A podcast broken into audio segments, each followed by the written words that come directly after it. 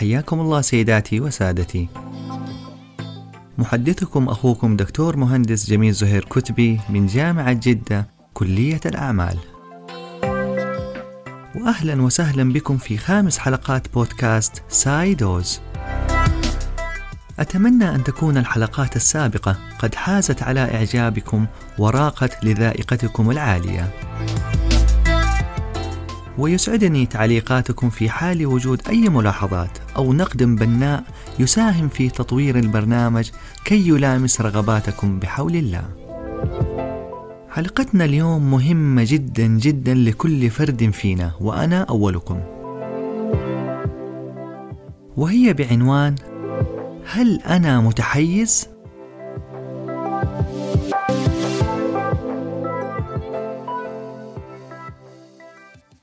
فلكي أجيب على هذا السؤال يجب أولا أن أعرف ما هو التحيز وما هي أنواعه وهل تؤثر تحيزاتي على جودة قراراتي؟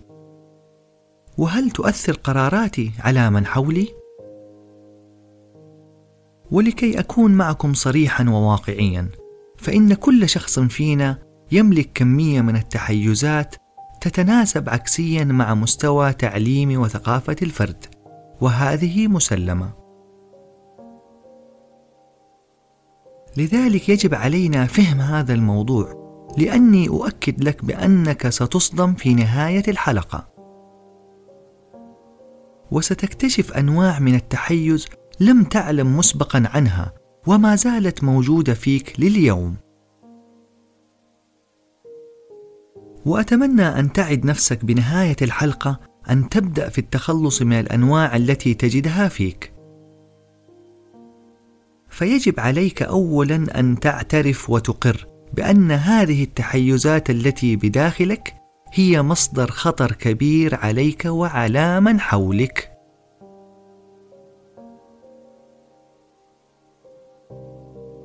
فقراراتك في العمل ستؤثر على العشرات ممن يتبعون لقوانينك ويرضخون لقراراتك وتعاميمك. فبعد الاعتراف بوجود المشكلة يجب عليك تجنب هذه التحيزات ونبذ هذه الممارسات في بيئة عملك. وستلاحظ مباشرة ثمرات ذلك على جودة قراراتك الشخصية والمهنية. وبذلك يتم التأصيل لثقافة القرارات الموضوعية بحول الله.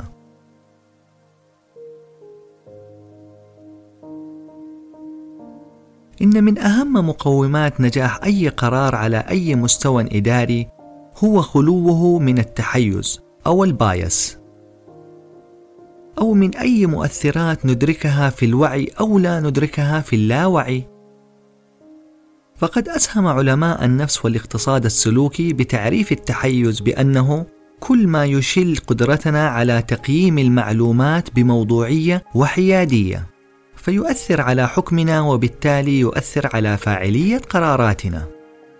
وبذلك يكون هذا الانحراف هو بسبب الاختلاف بين طريقة التفكير المفترض اتباعها وبين الطريقة التي نفكر بها الآن فهناك أنواع مختلفة من التحيز. قام بتفصيلها جون بيشرز وفرانشيسكا جينو في مقالهما القادة كمصممي القرار بمجلة هارفارد للأعمال حيث قاموا بتقسيم التحيز إلى أربعة أنواع رئيسية ولكل منها عدة أنواع فرعية وهي أولاً تحيزات التوجهات الفعلية والمعروفة ب Action Oriented Biases. ثانياً تحيزات متعلقة بفهم وتحكيم الخيارات والمعروفة ب biases related to perceiving and judging alternatives. ثالثا تحيزات متعلقة بصياغة وتأطير الخيارات والمعروفة ب biases related to the forming of alternatives. رابعا تحيزات الاستقرار أو المعروفة ب stability biases. والآن سنقوم بتفصيل مكونات كل نوع من هذه الأنواع. أولاً تحيزات التوجهات الفعلية، وتنقسم إلى قسمين: التفاؤل المفرط والثقة المفرطة. فالتفاؤل المفرط أو المعروف ب excessive optimism في كثير من الحالات ما نشعر بتفاؤل كبير تجاه مخرجاتنا ونتائج أفعالنا فيؤدي ذلك لتوقع كل شيء إيجابي واستبعاد كل شيء سلبي. وهذا هو التهاون والاستخفاف الذي يؤدي حتما إلى نتائج كارثية. فالثقة بالنفس مهمة والتفاؤل سلوك إيجابي بلا شك ولكن بقدر معقول لا يفيض فيؤثر على جودة قراراتك. أما النوع الثاني وهو الثقة المفرطة أو المعروف ب overconfidence فهنا يضخم الفرد من مستوى قدراته مقارنة بالآخرين فيستهين بهم ولا يحسب لقدراتهم أي حساب. هذا التضخيم سيضع الشخص في حرج كبير بسبب قراراته الخاطئة والتي أثر عليها عنصر الأنا أو الايجو والثقة المفرطة بنجاحات وبطولات الماضي دون الالتفاف لتحديات المستقبل. ننتقل الآن إلى النوع الرئيسي الثاني وهو تحيزات متعلقة بفهم وتحكيم الخيارات وبه أربعة أنواع. أول الأنواع الفرعية وهو التحيز التأكيدي وثانيها هو التركيز والتشكل الغير كافي وثالثها التفكير الجماعي ورابعها الأنانية. فلنبدأ بالتحيز التأكيدي والمعروف ب confirmation bias. ويظهر ذلك عندما تعجب كثيرا بوجهة نظرك أو رأي معين. وتتحيز لكل الأرقام والبراهين التي تؤكد وتدعم وجهة نظرك فقط وتخصص لها دورا كبيرا في اتخاذ قراراتك. فكأنما لا ترى إلا ما يعجبك ويتوافق مع هواك وآرائك.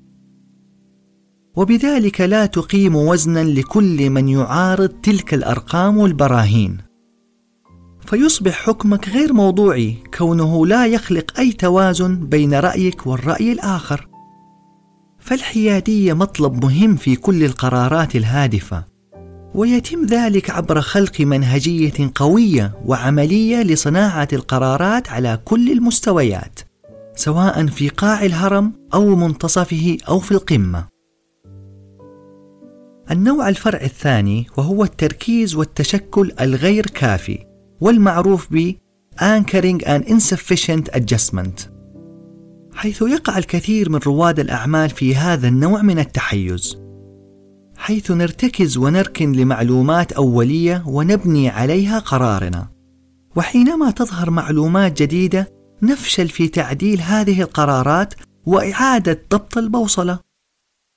ونتائج هذا التحيز هي عدم المرونة وعدم القدرة على التشكل وإعادة الضبط مع متغيرات السوق.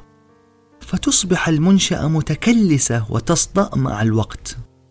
يقول الاقتصادي البريطاني جون مينارد كينيز عندما تتغير الحقائق أغير وجهة نظري مباشرة. أما النوع الفرعي الثالث وهو التفكير الجماعي أو المعروف ب group thinking أحيانا يقع القيادي في فخ البحث عن موافقة من المجموعة التي ستتخذ القرار. بدلا من البحث عن تقييم عقلاني وموضوعي لمختلف الخيارات المطروحة أو التي يمكن تطويرها. فالتفكير الجماعي إذا لم يضف قيمة عبر زيادة عدد الخيارات فسيعتبر إهدارا لعملية صناعة القرار. ولذلك نجد أن شجرة القرار لا تنصح بأخذ موافقة الجماعة في كل القرارات.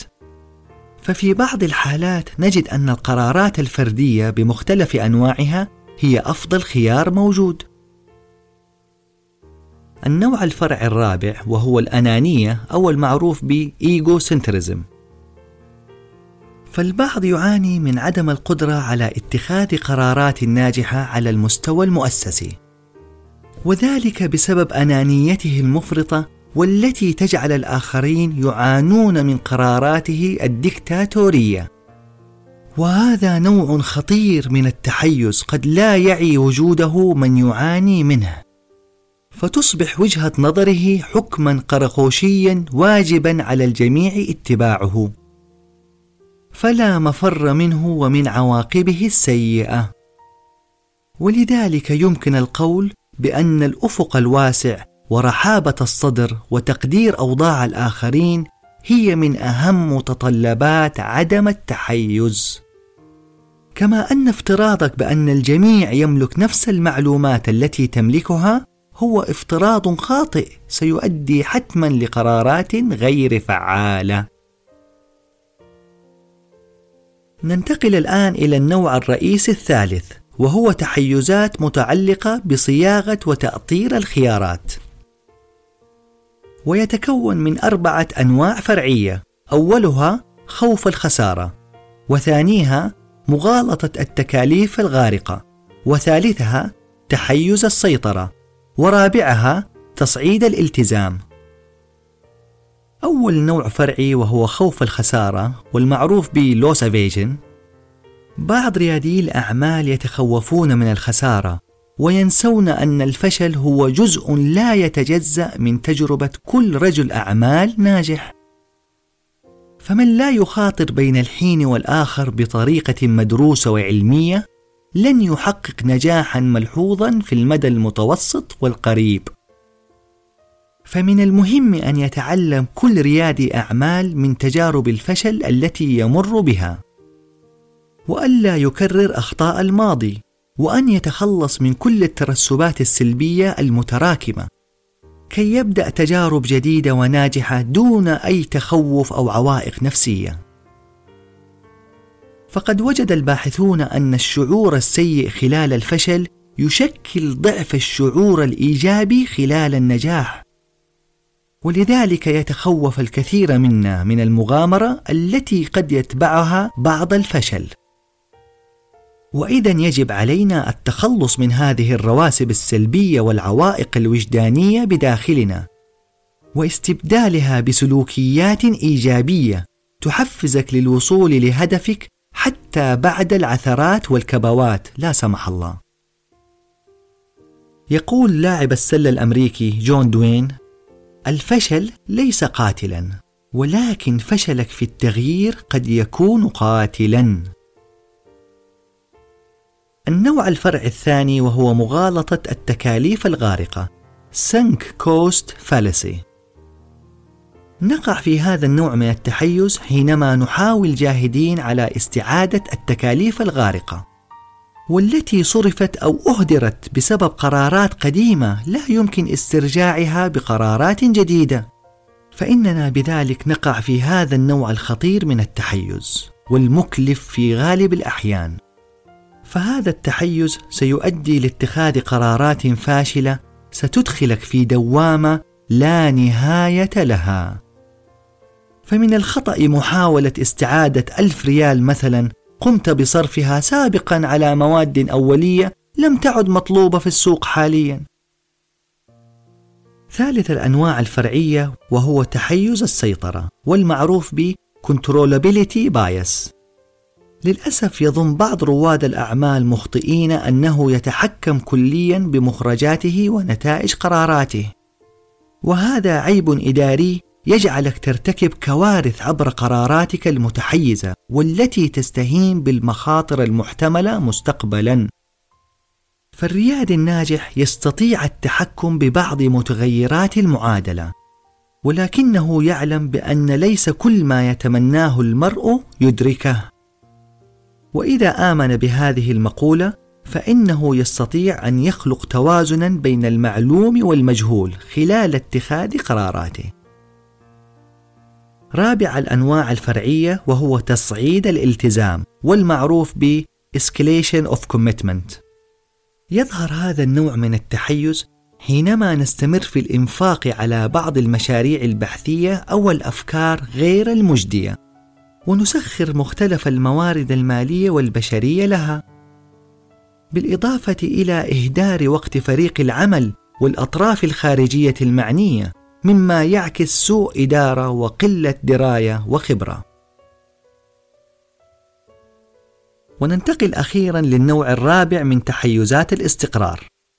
ويتكون من نوعين فرعيين هما التحيز للوضع القائم والتحيز للمكافأة.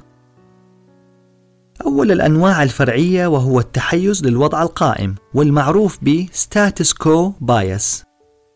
فخلال الركود والكسل وعند خلو الساحة من التحديات يتجه البعض لإبقاء الوضع الراهن كما هو عليه ويتجنب تغييره خوفا من المجهول.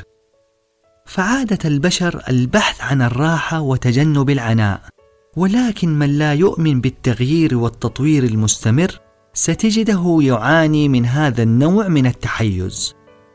فيؤدي ذلك لشلل الكيان التجاري وتقادمه مع الوقت. فرائد الأعمال يجب أن يتحدى الأوضاع القائمة باستمرار وأن لا يرضى إلا بالأفضل والأجود لعملائه. يقول أحد الفلاسفة أنا لم أغرق بسبب قفزي للماء بل لأنني بقيت مكاني. إن إحدى قواعد التطوير المستمر تنص على أنه إذا وجدت شيئا لا يحتاج التطوير فأعلم بوجوب تطويره.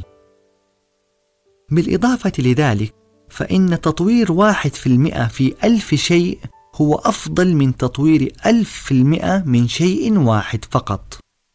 وهذا المبدأ التطويري يحث على التطوير المستمر بشكل جرعات صغيرة بشرط أن تكون متواصلة. يقول نبينا عليه أفضل الصلاة وأتم التسليم خير الأعمال أدومها وإن قل.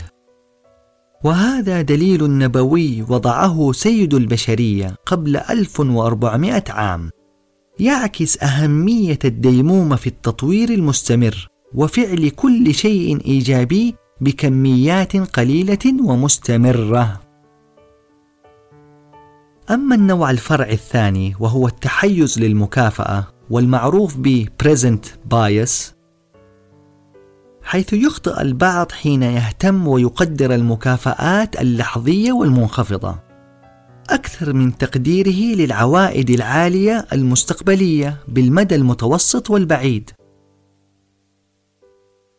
فالقرارات التي تلزمك بعوائد بسيطة فورية يجب أن تهمشها بوجود خيارات مستقبلية بعوائد تصاعدية أو تراكمية مجزية. وهذا مبدأ اقتصادي يسمى تكلفة الفرصة أو opportunity cost والذي يعزز فرص تحليل الخيارات لتحديد الخيار الذي يخدم الكيان في المدى البعيد. فتصبح المنشأة مستقرة اقتصاديا وتزدهر مقارنة بمنافسيها. في الختام. فلنبدأ جميعا اليوم بالتخلص من التحيزات. لرفع فاعلية قراراتنا كي نعيش حياتنا بموضوعية وعقلانية.